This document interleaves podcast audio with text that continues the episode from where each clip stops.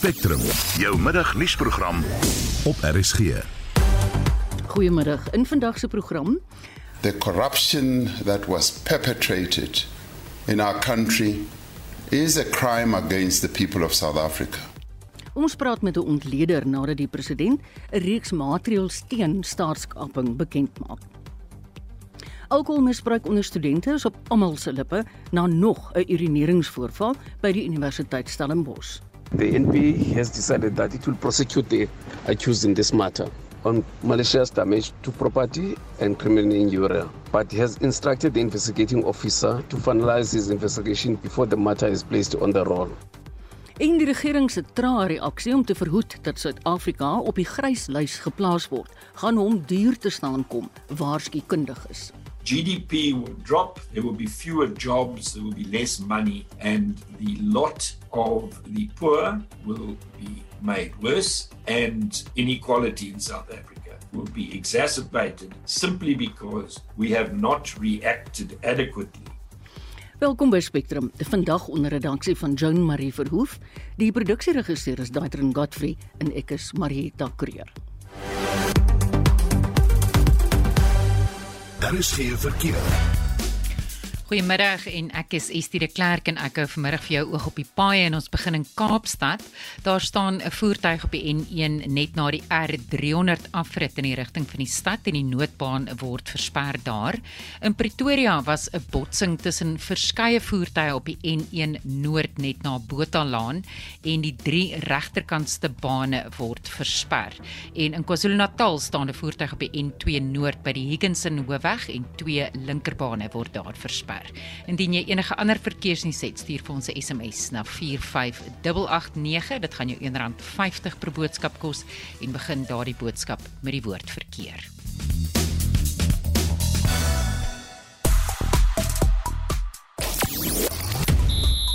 Goeiemiddag. Die Springbok vroue se kanse daarmee heen by die Vroue Wêreldbeker in Nieu-Seeland. Terwyl 3 stormes opgeroep is na die Springbok oefenkamp. Max Verstappen het gister die Amerikaanse Grand Prix gewen toe sy Red Bull span die Formule 1 konstrukteur se wêreldkampioenskap verseker het. En AmaZulu en Pirates teen mekaar in aksie in die MTN8 eindstryd. Dit en meer bietjie later. Dis Christo Gawie vir RSG Sport. En in sosiale media nuus is die hitsmerk Mr President al meer as 12000 keer gedeel en dit is na aanleiding van president Cyril Ramaphosa se toespraak gisterand oor sekere maatreëls wat die regering wil instel om staatskaping en korrupsie te bekamp. En die hitsmerk load shedding is baie gewild en dis natuurlik omdat beerdkrag steeds op fase 3 en 4 toegepas word. Ek is later terug met nog sosiale media nuus. En nou is daar 'n vraag wat ons graag aan die luisteraars wil vra. Amerikaanse veghonde, oftewel pitbull terriers, is weer in die spervuur na 'n petisie geloods is wat eis dat eienaars spesiale permitte moet hê om die soort honde aan te hou. Die Nasionale Dierebeskermingsvereniging ondersteun die petisie wat reeds deur sowat 35000 mense onderteken is. Maar die vraag is of die probleem by die honde lê of by hulle baase. En is dit nodig dat een ras so uitgesonder moet word? Wat dink jy? Stuur gerus 'n SMS na 45889 teen R50 per boodskap. Praat gerus saam op die Monitor Spectrum Facebookblad of jy kan 'n stemnota stuur na die WhatsApp nommer 076 536 6961. Jy luister na Spectrum. Elke weekmiddag tussen 12 en 1. 8 en 'n half minute oor 12. Welkom terug. President Cyril Ramaphosa sê die reaksie op die staatskapingskommissie se verslag moet 'n nasionale poging wees. Die kommissie het vroeër van dese maand sy finale aangepaste verslag aan die president oorhandig. En Ramaphosa het gisterand maatreëls aangekondig om korrupsie en staatskaping te verhoed. Sover het 165 mense in die hof verskyn op aanklagte wat verband hou met staatskaping. Weer Estie. Ramaphosa het aangekondig dat die regering sal verseker dat daar vordering is in die plaaslike en internasionale intelligensiedienste in die land. Die kommissievoorsitter, regter Raymond Zondo, het bevind dat die staatsveiligheidsagentskap met opset verswak is sodat individue wat die staat wou kaap, dit kon regkry. Ramaphosa verduidelik watter stappe by die staatsveiligheidsagentskap ingestel moet word. A new General Intelligence Law Amendment Bill will implement many of the Commission's recommendations, including establishing separate domestic and foreign intelligence services, improving oversight of intelligence agencies, and giving practical effect to the principle that no member of the executive responsible for intelligence may be involved in the operational matters of the SSA. Ramaphosa sê vletjieblassers moet aangemoedig word om bedrog en korrupsie aan te meld en oop te vlek en dat beskerm sal word. Whistleblowers need to be encouraged to report instances of fraud and corruption and need to be protected from victimization, prejudice or harm. The Department of Justice is reviewing the Protected Disclosures Act and Witness Protection Act to give effect to the Commission's recommendations on the protection of whistleblowers. Die president het aangekondig dat bewaringsbevele ter waarde van 12,9 miljard rand aan wetstoepassingsowerhede toegestaan is, dat 2,9 miljard rand se gesteelde geld reeds teruggekry is en dat die Suid-Afrikaanse Inkomste Diens reeds 4,8 miljard rand in onbetaalde belastinggeld ingewin het. Die staatskapingskommissie se werk het die land byna 1 miljard rand gekos. Die verslag is saamgestel deur Abongile Dumaku en ek is Estie de Klerk vir SAK nuus. Ons bly by die onderwerp soos ons almal nou gehoor het, het president Ramaphosa gisterand 'n reeks maatreëls aangekondig om toekomstige staatskaping te bekamp. En ons praat nou hieroor met die politieke ontleder verbonde aan die Noordwes Universiteit, Dr Piet Kroukamp. Goeiemôre Piet. Goeiemôre Marieta. Die president het niks gesê oor sy eie kabinetslede wat in die staatskapingsverslag geïmpliseer word nie. Net dat hy die posisies van die lede van die uitvoerende gesag wat geïmpliseer word op 'n saak tot saak basis sal beoordeel. Dink jy Piet dis die regte benadering? Ehm um, ja, ek dink tog in die kyk daar's uh, twee wat wat direk geïmpliseer word. Ek dink ons uh, onder andere ek weet die montas waarvan ons praat.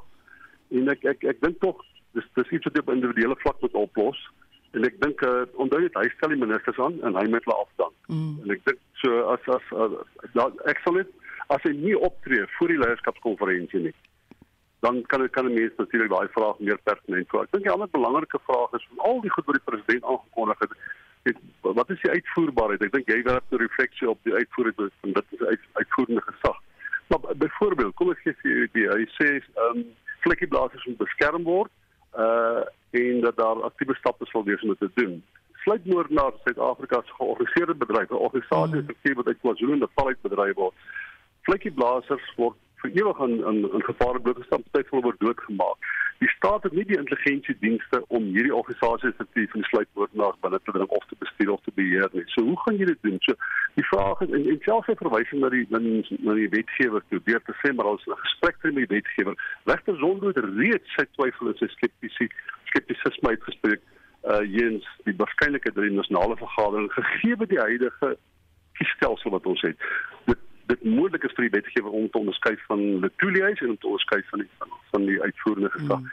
So die meeste van hierdie goed, die vraag is maar wat is die uitvoerbaarheid daarvan? Ja. En as jy sit met 'n president wat uh, skynbaar traag is om uitvoering te gee, goed, dan uh, soos ek dink Max de Pre van Vrye Wetblad het ook vanmôre het ook geskryf, jy weet, mens mens kry daai gevoel van will it all happen? When will it happen? Will it ever happen? Mm. Mm. Jy het nou verwys na Mantashe en Kodwa. Nou hulle betwis die bevindinge wat teen hulle gemaak is in die hof. Dink jy nie Ramaphosa het 'n etiese plig om hulle saak gouer op te los nie? Wel, ek miskien 'n plig om 'n saak uh, gouer op te los, maar jy sit altyd met daai probleem met die ANC dat nie verlede gebruik en die president gebruik het. As daar 'n bepaalde gebruik wat sy eie paal paal saak betref, ook as daar 'n regsproses in gang is, is sy argument, ons moet wag tot daardie regsproses tot wasdom gekom het en dan kan ons in terme van daai beginsels en bevindinge kan ons optree. Uh die probleem is so 'n saak in 2 jaar, van 3 jaar duur. Dit is net so daai persone se kabinet, daai persone moet weer her kan heranstel wat hulle toelie is. Ek hoor iemand tas probeer om weer die voorste vir die party te word. Dit vertraag al die die etiese verpligtinge wat hy het wat as dit ware dis sy regsverpligtinge verpligtinge word vertraag. En dit is dit is net maar daai tipe ding wat ek dink ek kom in enige stelsel voor. Maar by, by ons waar daar seker pertinente uh, korrupsie was, waar ons 'n staatskaping kommissie gehad het, sou mense wou gesê die president sê luister, jy moet op sy stand tot tyd terwyl jou regsproses afgehandel is. En ek dink dit is wat hy mm. reg regtig moet doen. Hy, maar onthou nou hy het nou klaar paal paal gebruik as 'n mm. voorbeeld, jy te sê daar's 'n regsproses en daarom kan ek mm. nou uh daar weet uitsprake maak nie. So Willem Tassen uh, gaan net sê dieselfde argument geld vir hom. Mm. Een van die grootste aanvalle op die Zondo-kommissie was dat die ondersoek en die kommissie die land nou 'n miljard rand gekos het. Maar Ramaphosa het toe bekend gemaak dat die Suid-Afrikaanse Inkomste Diens reeds 4,8 miljard in uitstaande belastinggeld en 12,9 miljard rand ingewen het vanweë die werk van die kommissie. Is dit 'n stap in die regte rigting? Nee, dis inderdaad. Kyk, ons moet nie vaskyk teen 'n miljard nie. Dit wat onthou as ons net die finansies of die somme kyk, dan wil mens sê maar dit was geweldig baie geld. Maar as jy kyk na die ontsaglike skade wat wat wat wat berokken is deur staatskaping en die waarskynlikheid dat dit nou in die oop ten minste is en dit daar opgetrek kan word en dat bepaalde fondse weer teruggekry kan word, dan is hierdie dan is hierdie miljard wat gespandeer is vir miljarde en miljarde werd. Mm. So ek dink nie ons moet enigstens vaskyk in die miljard nie. nie. Die ANC se regsargumente teen sy kaderontplooiingsbeleid, maar die regeringsreaksie op Zondo se aanbevelings dui daarop dat kaderontplooiings nie toegelaat sal word in die aanstelling van raadslede in staatsentiteite nie. Dink jy dit sal ooit gebeur? Kyk, uh, die, die president het eintlik bitter min van kaderontplooiing gepraat, juis omdat hy deur Zondo geïmpliseer was. Hmm uh, in in kaderontplooiing. Nou ek dink nie die, die feit dat sê met die rade van van staatsondernemings op 'n op 'n nuwe wyse aangestel sal word en dat ministers verhoed sal word om betrokke te wees daar is is wat hom betref 'n verwysing na kaderontplooiing. Ek dink dit is dit hy sien dit is 'n totale ander kwessie. Vir hom gaan die die die verwysing na die staatsondernemings en die onafhanklike van die rade oor die meer effektiewe bestuur daarvan. So ek dink hy gooi oor daai boeg eerder as met die kaderontplooiingsboeg. Ek wil jou vra wat het vir jou uitgestaan toe jy hierna geluister het? Ehm um, ek sê die ek ek dink die verhouding tussen tussen die die die die die die die wetgewers en die uitvoerende gesag is ons grootste probleem in die kiesstelsel. Uh en dit is nie vir my asof as jy kyk hoe daar onlangs met die wysiging aan die aan, aan die kieswet uh omgegaan is by die nasionale vergadering. Dis mos nou weer 'n keer 'n misbruik van stelsel en prosedure sodat daar uiteindelik 'n wetvaardig uh gemaak is wat wat op geen manier uh, in ag neem wat die kompleksiteite is van ons stelsel nie. Dit mm. ons reg onder ons neus is daar nou weer 'n ding gedoen deur nasionale wetgewers en met insa en met betrokkeheid van van van 'n lid van die van die uitvoerende gesag.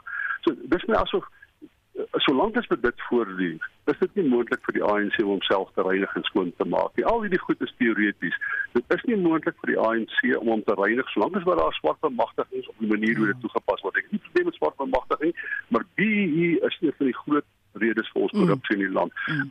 Elke slag wil hy verwys na die private sektor. Onthou net, my moet spesifiek wees, die private sektor, die grootste dele van hierdie korrupsie het voorgekom in die konteks van black economic empowerment. Ek sê nie daar was nie wit korrupsie nie. Ek sê nie wit maatskappye het nie korrupsie gepleeg nie. Ek sê net die werklike swak plek, die akkuliesiel van die staat lê in black economic empowerment. En hy het geen verwysing eintlik daarna gemaak nie. Ek kan nie die indruk dat die ANC dit is 'n probleem beskou of die president nie. En ek dink eintlik gaan ons ons terwyl sonde aan die gang is, het ons 'n replisering van dieselfde ja. tendense gesien wat uiteindelik gelei het tot die sondekommissie se vestiging. Dis nie as dit die stelsel as die stelsel nie dramaties verander word nie. Is dit nie moontlik vir ANC dit om die korrup te wees? Solank as daar bemagtiging is, solank as die venderrade oorheers, solank as wat die uh, minister soveel gesag het soos wat dit het, solank as daar wetgewing geskryf word die gesag van die minister in elke stuk wetgewing omtrent uh, verdiep in in, in, in wet is dit nie moontlik vir die ANC om uh, uit hierdie uh, doen moet maar 'n konandram te kom ja. van korrupsie. Die ANC lid wat nie korrup is nie, is 'n baie baie sterk persoon met die stelsel leen om daartoe om korrup te wees. Ja, dis erg, né? Oud president Jacob Zuma het gesê Ramaphosa is skuldig aan hoogverraad en die EFF leier Julius Malema reken vir solank as wat die ANC en Ramaphosa aanbewind is, is Suid-Afrika bestem om 'n mislukte staat te wees. Hoe gegrond is hierdie aanvalle op Ramaphosa? Ek dink maar Lema is heeltemal uh, verkeerd nie. Omdat ek ek as jy nou luister na gister ons toespraak, dit dit daar is bepaalde aksies, daar's bepaalde stappe wat geneem word om om om om om pertinente probleme aan te spreek. Maar daar's niks vir die indruk skep dat die stelsel omgedraai word nie. So Malema is reg gesê so solank as daar 'n rapport is, maar eintlik wat hy moet sê solank as wat die ANC ja. daar is, is dit nie moontlik om die stelsel te herstel nie. Nou Jacob Zuma is 'n rower, plunderaar, uh, daar is niemand wat dink wat wat wat meer verdien om sy res van sy lewe in die tronk te wees en boeye en harde arbeid te kry nie. So sy opinies oor Ramaphosa is my niks is nou die en nou die niks sê. Mm. Baie dankie Piet. Ons het gepraat met die politieke ontleder aan die Noordwes Universiteit se Sakeskool Dr Piet Kroukamp. 19 minute oor 12. Familielede van slagoffers van geslagsgebaseerde geweld sê daar kan nooit genoeg vergelding in Suid-Afrika wees vir oortreders wat onskuldige mense, veral vroue, wreed vermoor nie. Hulle die Suid-Afrikaanse regstelsel daarvan beskuldig dat dit meer fokus daarop om die kriminele te bemagtig as om die families van slagoffers te ondersteun. Is die berig oor 'n verdagte Bongani Shebe wat vandag in die Landdroshof in Swaziland verskyn op aanklag van moord op Iris Mokohare. Sekere dele van die verslag kan ontstellend wees vir luisteraars, ons waarsku net betyds. Iris Mokare word as 'n goedhartige mens beskryf wat op 25 jarige ouderdom as 'n verpleegster gekwalifiseer het. In Swaziland waar sy gewerk het, is haar lewe wreed beëindig in 'n geslagsgebaseerde misdaad. Die jongste misdaadstatistiek toon aan dat 1100 vroue en kinders tussen April en Junie vanjaar vermoor is en dat ten minste 12 slagoffers daagliks vermoor word. Maar Kari se familie sê sy is nou deel van die statistiek. Hier is haar broer, Tebo. She was a lovely sister. She was a pillar of strength. Haar moord het die familie getraumatiseer. Her neck was slit and her hands was cut He was also tied with a rope on her left hand. Her face was swollen to show that she was assaulted even before she was murdered. It was really a trauma. Iris was 'n ma van 3 kinders van 15, 14 en 7 jarige ouderdom en die enkel broodwinner. Haar broer sê die familie het nie die besonderhede van hoe sy dood is met haar kinders gedeel nie. Die 24-jarige verdagte, Bongani Shebe, het net 'n klipgooi van Iris gewoon en was wel bekend aan die familie. Hoewel die nasionale vervolgingsgesag in Noordwes die saak ondersoek, sê Iris se broer die familie het geen vertroue in die regstelsel nie. They will arrest them. They will go to court and they found them guilty and sentenced. But when you go to correctional services, you'll see those people are living luxurious life. they are given everything. They even given the lessons of how to do businesses. But people who are struggling outside here, they are not given that opportunity. There is no justice in South Africa unless we ourselves think of uh, revenge. But it's not how we are. Die verslag is saamgestel deur Salwani Kakal en ek is Estie de Klerk vir SAK nuus. Die familie van die Mati student Babalo Nkwanyana het die besluit van die nasionale vervolgingsgesag verwelkom om 'n medestudent teens te toe te vervolg. Die twee is vroeër vanjaar uit die universiteit geskort nadat 'n video waar hy op Nkwanyana se eiendom op sy lesenaar urineer wyd op die internet versprei is. 'n Tweede Mati student van die Koshuis Eendrag is intussen in verband met 'n soortgelyke urineringsvoorval geskort. Die Universiteit Stellenbosch se visierektor vir leer en onderrig, professor Daresh Ramjugernat, sê strenger maatreëls moet ingestel word oor die gebruik van alkohol op die kampus. We need to iterate our deep concern regarding the irresponsible use of alcohol on and around our campuses. This is after we learned about another urination incident involving a severely intoxicated student. The implicated student was suspended from the residence pending the outcome of an investigation, while suspension from the university after consideration of the facts of the case is also being considered. We will continue to use all the resources at our disposal to combat the scourge of irresponsible alcohol consumption by some of our students. It is evident that more drastic action and regulations have become necessary, and there needs to be engagement with the Stellenbosch municipality and business community as to how we can work together to curtail irresponsible alcohol consumption. En dis die EU se visierektor vir leer en onderrig professor Deresh Ramjugernat. Vir meer oor presies wat die maatreëls in verband met die gebruik van alkohol by universiteite bepaal, praat ons nou met die oud studente dekaan by Koffsies en tans die hoof akademiese beampte van die privaat universiteit Cornerstone Institute, Rudy Buys. Goeiemôre Rudy. Hallo Marie, hoe gaan dit met jou? Man, ek het 'n vermoede dit gaan met myne so sleg soos met daai student op Stellenbosch nie.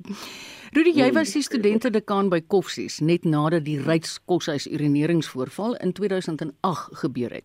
Hoe het Koffsies destyds hierdie voorval hanteer en watter rol het alkohol gespeel? Mm. Ja, natuurlik was alkohol een van die jy weet groot redes nie net eh, in terme van die praktiese van wat gebeur het nie, maar ook in die argumente wat gevoer is uh jy weet om die studente op 'n manier te verdedig. So net te sê dat daar 'n gevestigde kultuur was in koshuise, dat daar 'n tipe van 'n klub en net maar tipe van 'n kroeg gevestig is as deel van manskos. Hy sê elke manskos het 'n tipe van 'n kroeg ingehaat wat nou eintlik bedoel was om 'n tipe van 'n klub te wees vir die ouens waar hulle nou kan rustig kuier en so en Um, maar uiteindelik het daai, jy weet daai eh, tipe van deel van die kosse kultuur so geword dat dit uiteindelik gelei het tot tot uh, misbruik, nie wangebruik nie, misbruik mm. van van alkohol en so.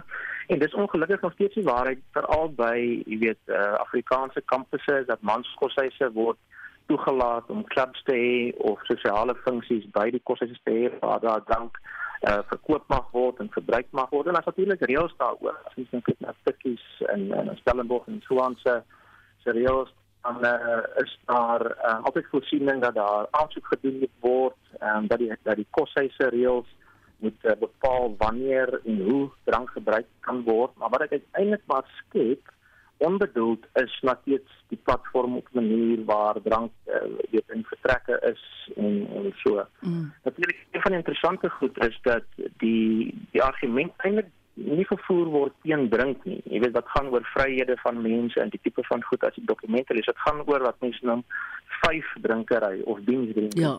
Jy weet en mm. dat dit eintlik die die die, die roekelose gebruik van dranke wat in die kos is inbeweeg.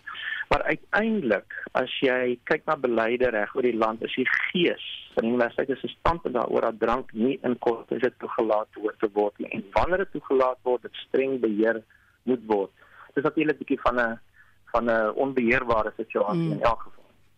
Rudy, sal dit help as alkohol totaal verbân word op uh, kampusse of miskien selfs net in koshuise? Want kyk, studente kan tog bloot alkohol gebruik op plekke wat nie op die kampus is nie. Hmm. Veral vroue studente argumenteer dat uh, argumenteer veiligheid. Jy weet, so dis baie veiliger vir my om 'n glasie wyn te geniet in my koshuis waar ek saam met vriende kan kuier, waar ek seker is daar's veiligheid by die deure en waar daar nie 'n klomp mekaar mense is nie. Soos wat as mens daar by die geval sou wees by jy weet 'n plaaslike plek jy weet 'n uh, uh, ja. restaurante jy mm. weet of, of so wat wat net rondom kampus geleë is ehm um, soos wat by die meeste kampusse is so die teenargument is dat eintlik wanneer 'n student op kampus mag gebruik is daar ekstra voordele hoofsaaklik vir veiligheid hoofsaaklik vir vroue so maar uiteindelik in die breë gesien wat gebeur met drank? En nie net in terme van die tipe van uh, insidente wat mens nou uh, lees oor by Stellenbosch nie maar ook geslagsgeweld jy weet ja. uh, jy weet en so en so as 'n klomp wat gebeur rondom drank uh, nie op kampus nie maar in ons samelewing in dit gegeewe uh, verstaan mense die jy weet die oproep van die fisiereek op Stellenbosch daar baie sterk so ek dink daar is iets daarvoor te sê dat kampusse drank nie toelaat nie alhoewel daar vir sekere funksies en um, maniere kan hmm. wees om te doen. Uiteindelik moet mens dan ook nou eerlik sê mense is maar mense. So die werklike volhoubare oplossing vir drankmisbruik, vir vyfdrinkery, vir jy weet die tipe van goed is die voortdurende gesprek met studente rondom die waardes waarmee mense moet leef. En dis maar 'n opvoedingsstaak. So mens kan nie daarvan af wegkom nie. Jy moet die regte gedoen het dan die reëls en beleide en so, maar uiteindelik moet die gesprek daarvan ook deel wees om te sê, "Alright, hoe leef mense op 'n sinvolle manier?" Is dit sinvol mm. op hierdie manier aan te gaan oor 'n naweek? Dit is natuurlik nie so nie. So die waardegebaseerde kulture by koshuise en so is eintlik die oplossing waarna mense soek. Maar jy moet soos mense sê albei kante van die munt moet jy ja. hanteer.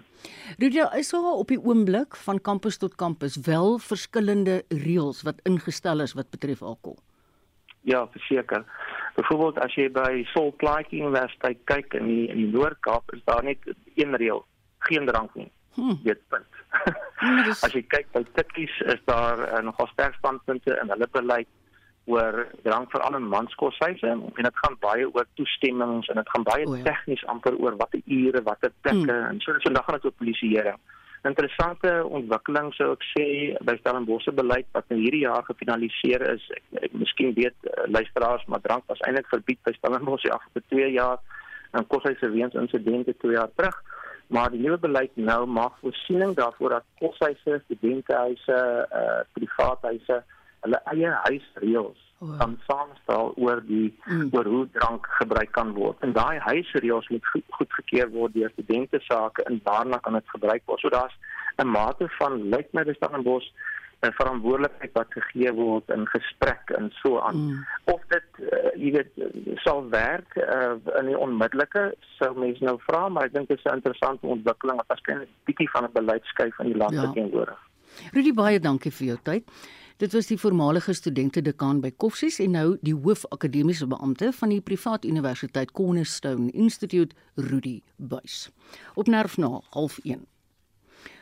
Onsekerheid oor die wetsontwerp oor staatsdienssalarisse is 'n moontlike teenvoeter vir fiskale konsolidasie in die minister van Finansies en nog Godongwana se midtermynbegroting die week.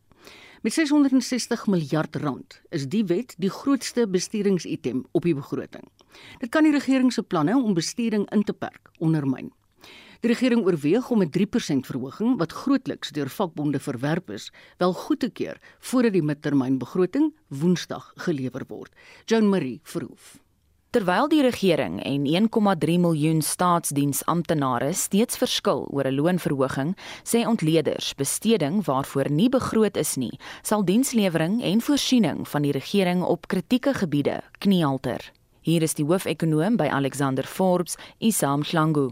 One of the spending items that has been growing faster than it was expected is on the wages and salaries, essentially current spending, where even without a deal at this point in time, expectations are that Trailer is likely to offer somewhere between 3 and 5% ultimately, which is not budgeted for. So that is going to detract from some of the overperformance in tax revenues. Volgens die wet op openbare dienste het die minister van openbare dienste en administrasie die mag om die finale loonaanbod in te stel op voorwaarde dat dit nie die huidige betalings en ander diensvoordele verminder nie. Die voormalige hoof van die nasionale tesourie se begrotingskantoor, Michael Sachs, sê die fokus moet eerder val om salarisse te besnoei as om die aantal regeringsdiensverskaffers te verminder. At the moment the budget is a battle between the treasury on the one hand, which wants to consolidate the fiscus The public service unions, on the other hand, that want to have more pay and more members. And my view is that sector departments and the presidency are simply looking the other way and concentrating not on the crisis of core government services, but are instead adding more pressures onto the fiscus through their own new initiative that they want to place onto the fiscus. Die Vereniging vir Openbare Dienste sê die grootste dilemma is die uitbetaling van die R1000 voordeel wat na verwagting in Maart sal verstryk. Die Unie se Claude Naiker sê die vakbond het reeds 'n groot aanpassing gemaak deur sy loonverhoging van 10% na 6,5% te verminder wat steeds onder inflasie is. Remember, we declared a dispute, and before you go on strike action, you need to finalize picketing rules. So that has been finalized. The only thing that's a hurdle now in the collective agreement is the protection of the cash gratuity. You know, that thing comes to an end next year in March, and we're hoping that the employee will continue after March with that. Meer as 2600 lede van die Suid-Afrikaanse Demokratiese Onderwysvakbond het die regering se aanbod van 3%, 'n 1,5% betalingsverhoging in die toekoms en 'n R1000 kontant toelaag tot Maart volgende jaar aanvaar. Die verslag is saamgestel deur Naledi Ngobu, ek is Jean Marie Verhoef vir SAK nuus. Jy luister na Spectrum. Op RSG. Dis 27 minute voor 1 en in die nuus vandag nog, die Molaganeng gemeenskap in Limpopo gaan gebuk onder onwettige mynbedrywighede. When they mine here, these people leave huge mining dumps. It's now clear that these people are no longer respecting the dead. I'm worried about what these people are doing to our graves. Ongeveer 80% van die rioolwerk in eThekwini Metro in KwaZulu-Natal is buite werking. En Pieter van der Berg hou vir ons sake dop by die T20 Wêreldbeker. Bly gerus ingeskakel. Daar is geen verkeer. In Kaapstad staan 'n voertuig by N7 Suid net na Plattekloofweg en die noodbaan word versper daar en daar staan ook 'n voertuig by N1 by die Wingfield wisselaar in die rigting uit die stad uit en die linkerbaan word versper. In Johannesburg staan 'n voertuig by N12 Oos by die Elandsfontein wisselaar en die regterbaan word versper en in Pretoria is padwerk op die N1 Noord net na die vleiende Piering wisselaar en die regterbaan word daar versper.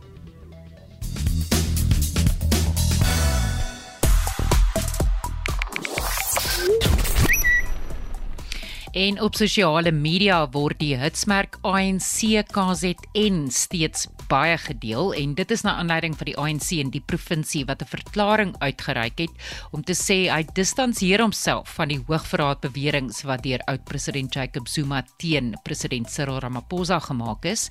En die hitsmerk Jup Jup word ook baie gedeel en dit is nadat die EFF-leier Julius Malema gesê het hoe langer die ANC en Ramaphosa aan beheer van die land is, hoe vinniger sal Suid-Afrika 'n mislukte staat word. Nou is dit tyd vir sportnuus. Hier is Christo Gawie. Goeiemiddag. Suid-Afrika se nasionale vroue span is uitgeskakel by die Wêreldbeker toernooi in Nieu-Seeland toe hulle laaste in hul groep geëindig het. Engeland het die Bokvroue met 75-0 verslaan in Auckland. Die Engelse wat boaan groep C geëindig het, het 13-3 teen die Springbokke aangeteken. Intussen is drie stormers opgeroep na die Springbok oefenkamp. Mani Lebok, Sacha Mgomezulu en Evan Roos sal by die Springbok oefenkamp in Stellenbosch aansluit. Die Bulls loskakel Johan Goosen en Jalrig Lou is vereers uit as gevolg van beserings. Goosen het harsingskudding opgedoen en Lou het 'n enkel besering opgedoen tydens Vrydag se 4K kragmeting met die Bulls se 44-22 sege oor Benetton. Die Stormers het teen Cardiff Saterdag aand met 30-24 vasgeval. Die Springbokspan word Vrydag bekend gemaak vir die jaareindtoer wat uit 4 toetse en 2 middelweekwedstryde in November bestaan. In Formule 1 het Max Verstappen gister die Amerikaanse Grand Prix gewen toe sy Red Bull span die Formule 1 konstrukteurs se wêreldkampioenskap verseker het. Verstappen se oorwinning was sy 13de van die seisoen wat die Formule 1 rekord geëwenaar het. Lewis Hamilton van Mercedes het tweede geëindig, gevolg deur Ferrari se Charles Leclerc derde. Kaizer Chiefs is erg frustreerd deur AmaZulu in hulle MTN 8 halfeindstryd wat gistermiddag in die Moses Mabhida Stadion met 0-0 gelykop geëindig het. AmaZulu het tot die eindstryd deurgedring waar hulle op die 5de November teen Orlando Pirates te staan kom nadat hulle op die wegdoel reël gewen het nadat hulle teen Amakosi 3 weke gelede in die eerste beenwedstryd in Johannesburg met 1-1 ook gelykop geëindig het. Chiefs kom Saterdag in 'n Soweto Derby teen Orlando Pirates te staan. Saterdagmiddag het Orlando Pirates Sundowns met 3-0 verpletter om hulle plek in die eindstryd te verseker. En Bangladesh teen wie Suid-Afrika vroeg donderdagoggend speel, het Nederland vanoggend met 9 paaltjies geklop. Die Proteas is teen Zimbabwe in aksie vandag. Pieter van der Berg sal later meer inligting rakende al die aksie gee. Dis Christo Gawie vir RSG Sport. Jy luister na Spectrum op RSG. 12:39 en soos wat ek net nou baie entoesiasties gesê het, dis Suid-Afrika se eerste wedstryd by vanjaar se T20 Wêreldbeker. Die span kom vandag te staan teen Zimbabwe en Pieter van der Berg. Hou sake vir ons dop. Hallo Pieter.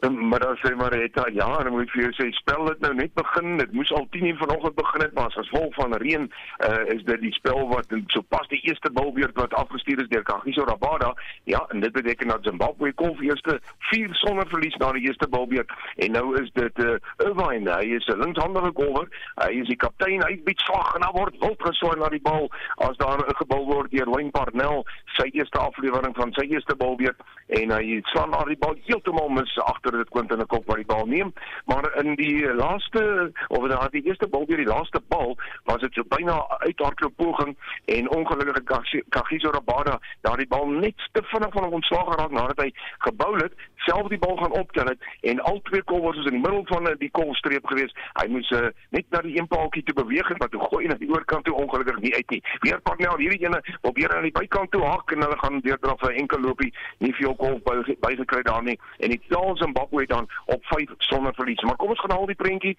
bietjie by vroeër vandag. Die lood is gewen wat ook laat plaasgevind het as gevolg van daardie wedstryd tussen Bangladesh en Nederland wat deur Bangladesh gewen was met 9 lopies wat laat klaar gemaak het en toe het die lood plaasgevind. Dit is Zimbabwe wat die lood wen, besluit hulle gaan eers te kolf, maar toe sak die reën uit net na die volksliedere en eh, soos ons sê, dit is nou uh, byna 2 en 'n half ure nadat spel moes begin het wat die spel uiteindelik aan die gang gekom het en dis Zimbabwe wat uh, nou reeds besig is met hulle tweede bilbeurt 1.2 bilbeurte wat uh, gebou is deur Suid-Afrika tot dusver. Hulle staan op 5 sonne verlies en die nuus is dat die bilbeerte is gekort na 9 weer 'n wille swaai jou die keer deur Chakamba en uh, hy slaan heeltemal heeltemal mis. Natuurlik net 9 bilbeerte en dan sal die lang steel moet inlê mm. om uh, in die omgewing van 80 lopies te kry maar het ek dink dit is ongeveer waarvoor hulle mik. Maar uh, op die oomblik Suid-Afrika wat goed bal elke bowler vier van hulle kan twee bilbeerte bal en daar's een bowler wat een bilbeert gaan bal. Dit is die nuus. Ons gesels net na 1 uur weer, maar Zimbabwe kom weer te teen Suid-Afrika. Kom ons vertrou dat Suid-Afrika hier 'n uitslag kan kry en dat hulle kan wen. Ja. Hulle eerste wedstryd soos jy mm. gesê het by vanjaar se Wêreldbeker. Pieter, baie dankie. Ek het jou skoon jammer gekry vroeër vanoggend as jy telkens met die oorskakelings moes sê van die reën, maar gelukkig is daar nou spel en jy sê dis verkort na 9 bilbeerte. Baie dankie. Die Mololaneng gemeenskap net buite Burgersfort in Limpopo sê onwettige mynwerkers beskadig grafte in die plaaslike begrafplaas. Die onwettige mynwerkers, bekend as Zama Zamas, gebruik na bewering swaar masjinerie om krom op te grawe, weer Joan Marie. Volgens inwoners het die Zamazamas die pad na die begrafplaas versper en is daar ook 'n onwettige heining gespan sodat inwoners nie toegang tot die begrafplaas kan verkry nie. It really pains me that these people want to violate our graves. My mom and my grandmother were buried here. These people also blocked our road to access the graves When they mine here, these people leave huge mining dumps. It's now clear that these people are no longer respecting the dead. I'm worried about what these people are doing to our graves. Onwettige mynaktiwiteite vind al langs die R81 op pad na Burgersfort plaas en volgens 'n gemeenskapsleier, Lepono Tobojane, sal die onwettige myners enigiets vir geld doen. The way these people are obsessed with money and illegal mining, they will mine over these graves if they are not stopped. They put money first without respecting this sacred place. What they are doing here is illegal because they didn't inform us as traditional council when they came here. They didn't even produce legal documents when they came here. I can't sleep at night because I always have nightmares of my late mother telling me that they have neglected her. Intussen vra die gemeenskap dat polisie teenwoordigheid in die gebied verskerp word. Die verslag deur Katlego Nayoni in Polokwane. Ek is Jean Marie Verhoef vir SAK nuus. Kundiges waarsku dat die regering se trae reaksie om te verhoed dat Suid-Afrika op die sogenaamde grys lys geplaas word, hom duur te staan gaan kom. Dit volg nadat die internasionale reguleringsowerheid die finansiële aksietaakmag Suid-Afrika in 2019 uitgewys het as een van die lande met die swakste wetgewing om geldwasery en die finansiering van terrorisme te stuit. 'n Finale besluit deur die FAFT sal in Februarie volgende jaar geneem word. Zelin Merrington Een van die gevolge van 'n gryslysgradering is dat die land sal sukkel om geld geleen te kry, as ook om hoër rente op skuld te betaal. Vir die gewone burger beteken dit onder andere selfs meer werkloosheid.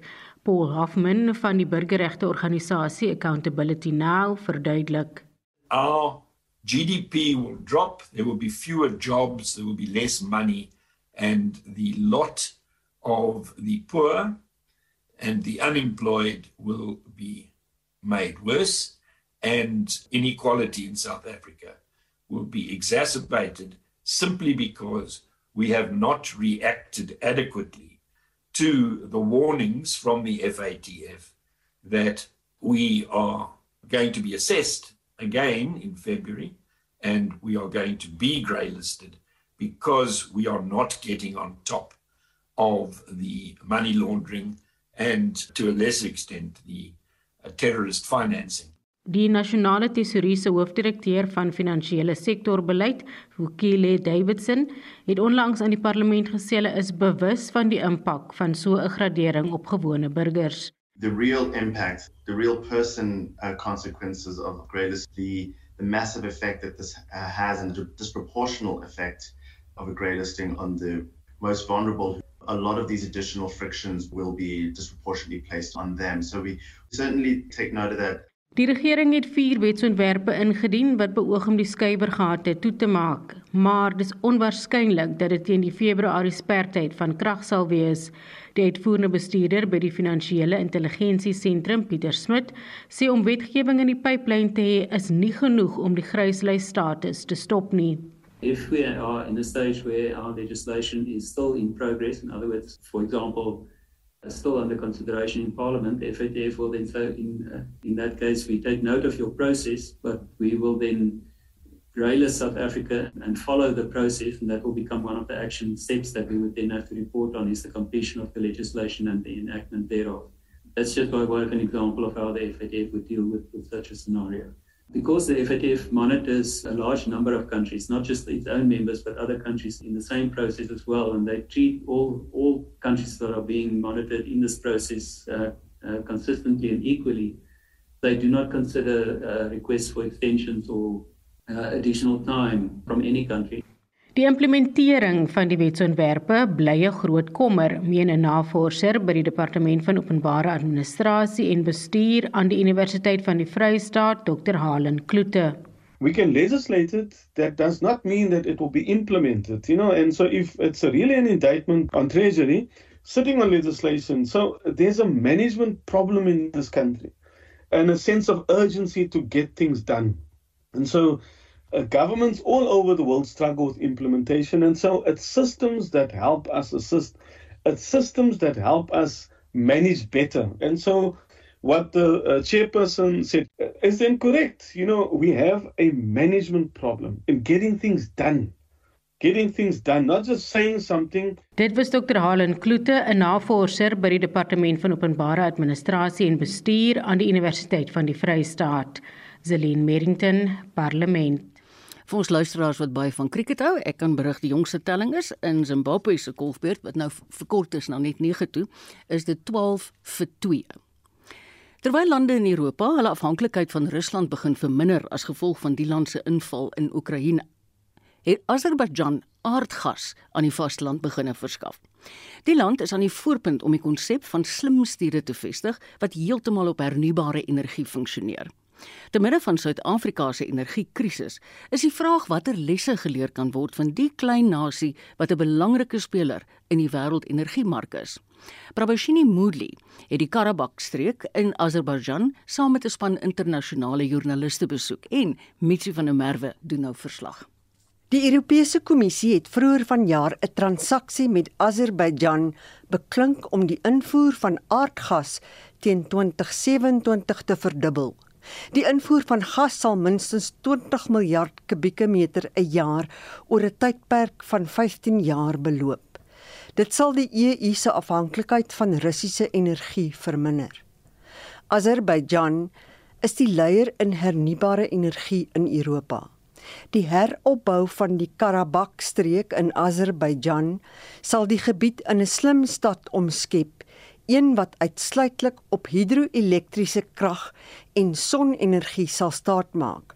Aras Imanov is 'n senior raadgewer by die spesiale verteenwoordiging van die president van Azerbaijan in die bevryde Karabakh ekonomiese gebied. Azerbaijan has huge energy, renewable energy potential. To give you a figure, this is uh, 160 gigawatts. Part of it is in Karabakh, 500 megawatts from hydro resources and 9,500 megawatts from solar resources. This area has been already announced by our president a green area where we'll, we will be using the re- renewable energy mainly. We will be using the smart technologies to save the energy, smart management of uh, social infrastructure of the villages and cities. Een van die eerste slim dorpe in Karabakh is in die Sangilan distrik. Azerbeidjanse inwoners wat as gevolg van die oorlog ontheem is, is reeds tuistes hier gegee. Die dorp wat verlede jaar begin bou is, het sowat 87 huise van verskillende groottes. 36 families is sedert Mei vanjaar verskuif. Die dorp het 'n bank, apteek, 'n kantoor van binnelandse sake en supermarkte. Die hoofraadgewer van die spesiale verteenwoordiging van die president van Azerbaijan in die Sangilan distrik is Kahit Movlayev. Hy verwys na die groen energie konsepte wat reeds in die dorp gebou is. There are many smart solutions which helps the people. Houses, the all houses well uh, isolated and can save over than 70% of the energy. And each house has a solar panel which uh, can provide 300 liter hot water daily. The future that village can save extra energy and earn money for the for the village. There's also five central irrigation system pivot already been installed here. Each street has a separately road for bicycles. It's, the idea is to use more green energy. Die sê met Rusland wat aanhou om sy energievoorrade as 'n wapen te gebruik, is die diversifikasie van energie-invoere baie belangrik. Met Azerbeidjan se gevorderde energievermoë is die land in staat om groot hoeveelhede aardgas na lande in Europa uit te voer. Die adjunkvoorsitter van die Sentrum vir die Ontleding van Internasionale Verhoudinge en 'n voormalige raadgewer van die minister van Energie in Azerbeidjan is Dr Esmira Jafarova. Sy sê hulle voer baie meer energie uit as wat aanvanklik beplan is. Azerbaijan and European Union are partners in providing energy security for Europe. And the Southern Gas Corridor, which is the main export infrastructure for natural gas to Europe that comes from Azerbaijan, is the main, let's say, infrastructure at the moment. The initial volumes were about 16 billion gas to uh, Europe and Turkey. Six of them had to go to Turkey and 10 had to go to Europe, eight to Italy, one to Greece, one to Bulgaria. As to the uh, growing demand of the European continent, our exports actually came out to be more. Jafarova sê die energieuitvoere na Europa jaar op jaar sal net toeneem. Recently, there was a memorandum of understanding signed between the European Union and Azerbaijan about the increase of energy export. As you know, Europe is trying to wean itself off the Russian gas due to the war in Ukraine. They are looking for alternative sources. Definitely, Azerbaijan is one of them. Next year, Azerbaijan will already increase its output to Europe. By 2027, Azerbaijan will double its output to Europe, which is again, um, I think, is a huge commitment. But we're ready to do it because we are partners and we are committed to energy security of Europe. Verlede jaar het die pyplyn 8 miljard kubieke meter gas na die EU vervoer. Azerbaijan, wat grens aan Georgië, Turkye, Armenië, Rusland, Iran en die Kaspiese See, het aan die einde van 2020 aardgas na Europa deur die Trans-Adriatiese pyplyn begin uitvoer.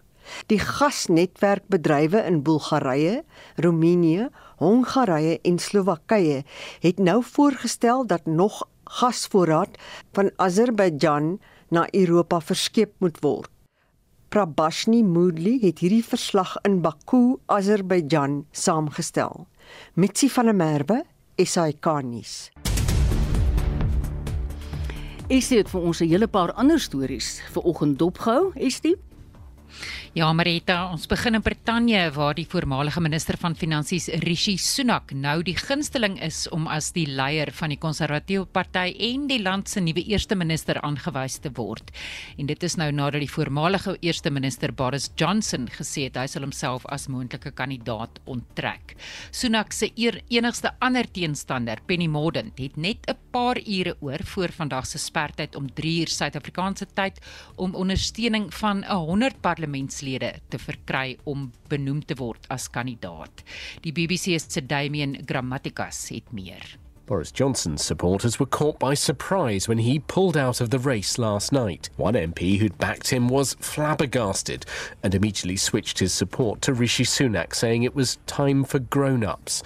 Others followed, and the Chancellor Jeremy Hunt also backed Mr Sunak. Penny Mordaunt's team say she is pressing ahead. They believe the party wants a fresh face at the top and say she is the candidate Labour fears most.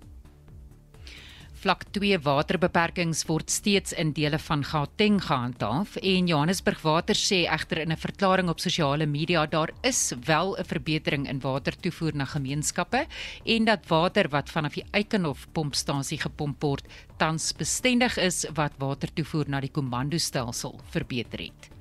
Die 26-jarige Tamlin Bok van Okiep in Namakwaland in die Noord-Kaap sê sy kon nooit dink dat sy as die eerste mevrou rolstoel Suid-Afrika gekroon sal word nie.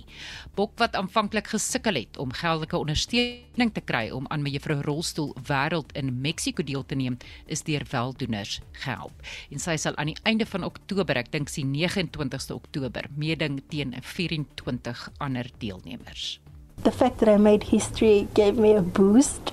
So I have the passion to bring the crown home and I would like to make South Africa proud and I would like to take this opportunity and this journey to actually bring and see change in our land. En in brandpunt om kwart voor 6 vanmiddag fokus ons onder meer op politieke partye wat die regering se plan om die aanbevelings van die Sonderkommissie se staatskapingsverslag in werking te stel skerp gekritiseer het. Baie dankie, dit was Estie met 'n opsomming van ander stories wat vandag in die nuus is. Terugvoer van ons storie oor die Amerikaanse veghonde. Iemand sê alles goed en wel om vir wetgewing te vra, maar wie gaan die wette toepas? Meeste dorpe het nie eens meer 'n DBV nie. Anne-Marie Prinsloo sê dit was Elise Lange.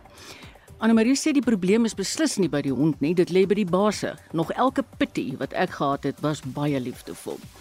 Johannes Piet Roodman sê baie skollies en kwaadoeners maak gebruik van die dirasies. Mense se lewens is in gevaar. Verban die honde uit die land uit. Pieter Brits sê my ma se worshond was kwaaier as my pitbull. Hierdie pitbull het vir 9 jaar saam met 68 koshuiskinders gespeel en nooit gegrom nie. So, daar het jy dit. Namens Nicoline de Wee, ons uitvoerende regisseur, die redakteur vandag Joan Marie Verhoef en die produksieregisseur Daitron Godfrey. Sê ek dankie dat julle ingeskakel het en tot 3 uur. Totsiens.